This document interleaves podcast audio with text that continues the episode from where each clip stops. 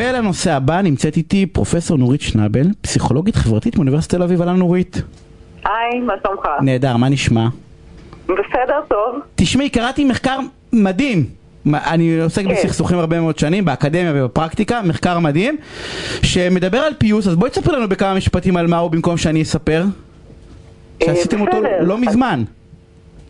נכון? נכון, אנחנו כל הזמן חוקרים, זה ככה, זה, זה כמו משהו שהוא אף פעם לא נגמר, כי סכסוך זה חלק מהחיים שלנו, ופיוס אה, זה דבר שנורא נורא קשה להשיג.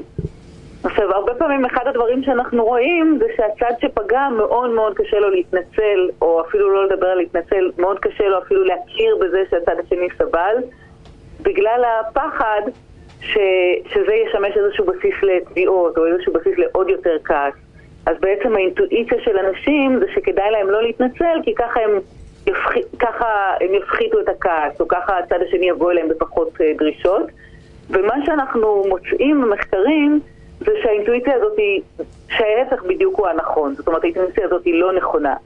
כי הרבה פעמים לצד הנפגע חשוב לו לקבל פיצוי, זה נכון, אבל חשוב לו גם שיכירו בסבל שלו. וכשיש את ההכרה הזאת, הוא נפתח יותר לוויתורים ונפתח יותר לפיוס.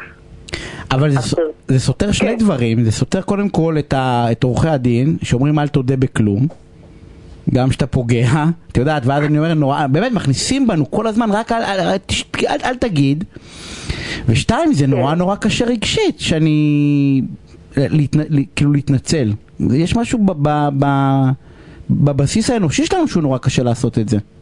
נכון, זה נורא קשה. אבל קודם כל אני רוצה לתת לך דוגמה לגבי העורכי דין. אה, זה מחקר שאולי אתה מכיר אותו, שנערך בבית חולים אה, בארצות הברית, בלקסינגטון, בקנטקי. ובבית חולים חלק, לצערנו, חלק ממה שקורה כל הזמן בבתי חולים זה שיש טעויות רפואיות. והם החליטו לעשות מדיניות, אה, איזשהו שינוי מאוד מפתיע במדיניות. הם החליטו שבמקום לנסות להסתיר או, או לתרץ או חס וחלילה אפילו לטייח, הם תמיד יודו לגמרי בטעות ואפילו התנצלו עליה. עכשיו, אם היינו שואלים אה, את עורכי הדין, אני מתארת לעצמי שלא את כולם, אבל נגיד האינטואיציה של אנשים וגם של עורכי הדין זה שמה יקרה במצב כזה? האינטואיציה? שאנשים, כן. שיש, לא, האינטואיציה שהשתמשו בזה. נכון, שיהיה הרבה יותר תביעות ושיצטרכו נכון, שאני רק, לשלם חכי. רגע, אני רק מדליק את ההקלטה, את ה... את ה... כדי להקליט מה שאתם אומרים לי. נכון, אבל מה שהם מצאו בבית החולים הזה זה שכמות התביעות פחתה מש- משמעותית. כמובן שעדיין צריך לשלם פיצויים למי שנפגע, כי הוא צריך למשל שיקום, הוא צריך את הכסף. אבל ההכרה, התחושה של הפציינטים שבית החולים הוא איתם ולא נגדם, ושהרופאים הם איתם ולא נגדם, הרגיע אצלם משהו. וזה גרם בדיוק להפך למה שאנשים חושבים. זה גרם דווקא להפחתה בכמות התביעות, והרבה יותר מקרים לא נגררו לבית המשפט. אבל, אז, אז, אה, אז עכשיו, אז, אבל, אבל במחקר נדמה לי שקראתי שהעובדה היא שאני גם פוגע וגם נפגע, אז אני לא מסוגל לראות שאני גם פוגע. זה איכשהו נכון. נעלם לנו, נכון? כאילו ברמה האנושית זה נכון. איכשהו נעלם לנו. נכון. אנחנו לא מסוגלים להגיד יש פה, אמרתי את זה בשיחת פתיחה, שתמיד אני הנבל בסיפור של מישהו. אנחנו לא יודעים להכיר את זה, שתמיד אני, אנחנו לא, תמיד נהיה רעים איפשהו, נורא קשה לנו להכיל את זה. נכון. רגשית. באמת, אה, נכון, זה קשה, כי מה שאנחנו רואים כל הזמן, אני דווקא בעצם, בדוגמה של הבית חולים יש באמת פוגע ונפגע ברור, אבל בהרבה מאוד מקרים בחיים אין פוגע ונפגע ברור, אלא כל צד הוא גם קצת פוגע וגם קצת נפגע. ומה שאנחנו רואים זה שיש ממש שני נרטיבים, שני סיפורים לגבי מה קרה, עד גם הפגיעה החמורה, מה גרם לה, זה סתם רשלנות או שזה אה, מעשה מכוון. אה, מה צריך לעשות עכשיו כדי לתקן את זה?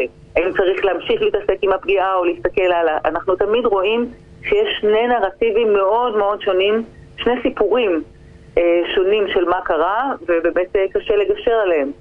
זה נכון, אז- כי אנחנו בדרך כלל מודעים לסיבות שגרמו לנו לפגוע. אם נגיד איחרתי לפגישה, אז אני יודעת שזה לא בגלל זלזול, אלא כי נתקעתי בפקק. אנחנו לא כל כך יודעים את הסיבות שגרמו לצד השני לפגוע. אז, ואז- אז זה נורא נורא, אז אני אומר, אז יש בזה איזשהו סוג של תסכול, כי זה סוג של מעגל שוטים כזה, לא? כן. רגשית, של קודם איך אנחנו יוצאים מזה? איך אנחנו יוצאים מזה? ראיתי שכתבתם את זה ביחס למשל לסכסוך הישראלי-פלסטיני, אבל איך יוצאים מהדבר הזה? איך אני לא רוצה, לא רוצה לכעוס על אשתי היקרה, ואיך אני יוצא מתוך הלופ הזה, כי אני רואה רק מה ייפגע בי, אני לא רואה מה פגעתי בה. נכון, אז קודם כל אשתי היקרה זה קצת שונה מהסכסוך הישראלי-פלסטיני. אני חושב שזה אותו דבר, זה אנושי. לא, אבל אני חושב שב-DNA של הסכסוך כאילו, ביום שאני אדע לראות את, ה, את הפגיעות של, ש, שאני פגעתי באשתי או בשותף שלי או באח שלי, אז, אז אנחנו נעלה מדרגה ואולי יהיה לנו לראות דברים יותר מורכבים. אנחנו נכון. גם את זה נכון. לא מסוגלים לעשות. נכון, אבל עדיין אני חושבת, וזה גם, יש מחקרים שאומרים, יש הבדל בין מצב שבו אה, הצד השני הוא חשוב לך, ואז ברגע שהצד השני והיחסים איתו הם חשובים לך, אז יש יותר יכולת לעכב את הדחף הטבעי, שהדחף הטבעי שלנו, וזה גם רואים אפילו אצל בעלי חיים, הדחף הטבעי הוא להתנקם. פגעו בי, אני מתנקמת.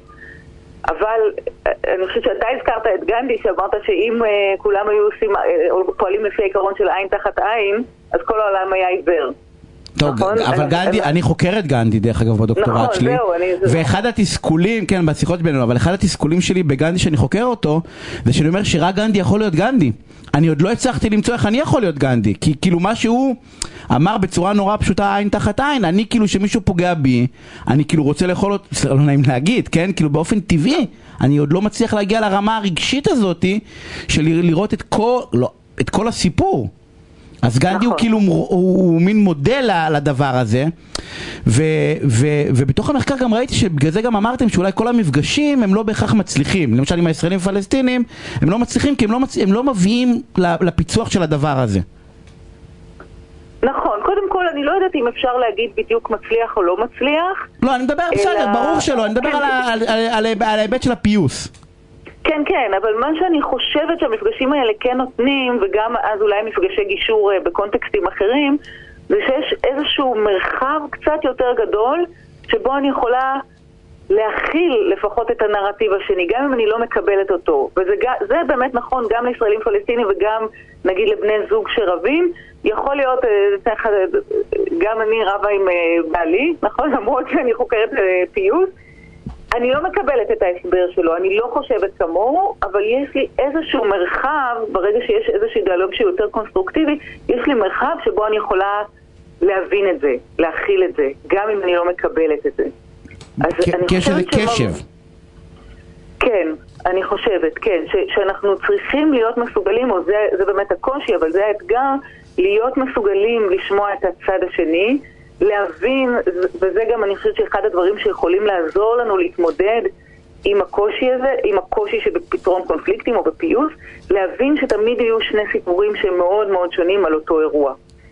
אני מסכים. וההבנה הזאת... אנחנו כן. חייבים לסיים נורית, זה מה שאמרתי, אנחנו תמיד צריכים לדעת שאנחנו הנבל בסיפור של מישהו אחר, וזה בסדר. אה, נורית, אני רוצה נכון. להודות לך. יופי, הייתה שיחה מרתקת, ואנחנו נמשיך בקונסטלציות מסוימות, הכרתי את הדבר הזה, זה מדהים בעיניי, אז תודה רבה נורית.